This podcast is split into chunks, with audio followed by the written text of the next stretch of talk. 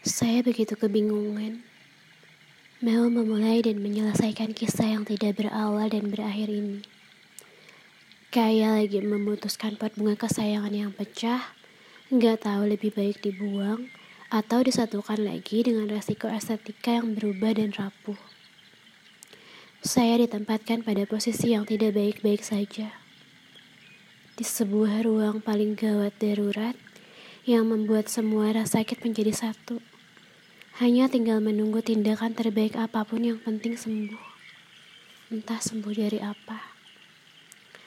Tulisan Brian Krishna dalam bukunya yang berjudul Merayakan Kehilangan seperti membius saya dan menguasai ruang di hati saya untuk memestakan suatu hal yang harus dilepaskan dan bersulang pada keadaan yang semestinya dirayakan.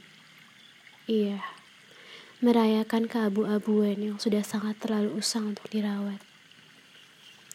Ada satu lagu Grand Padley yang berjudul Kembali ke Awal.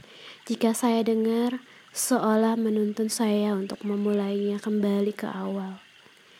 Bagaimana dulu cinta bisa datang menguasai lekuk hati saya. Tapi seusai saya tersadar lagi, rasanya jatuh cinta cukup sekali. Tidak bisa diulang untuk orang yang sama. Melepaskan bukan untuk menghapus perasaan, kan? Sudahlah, saya membiarkan semesta bekerja pada keabu-abuan yang sedang menertawakan saya ini.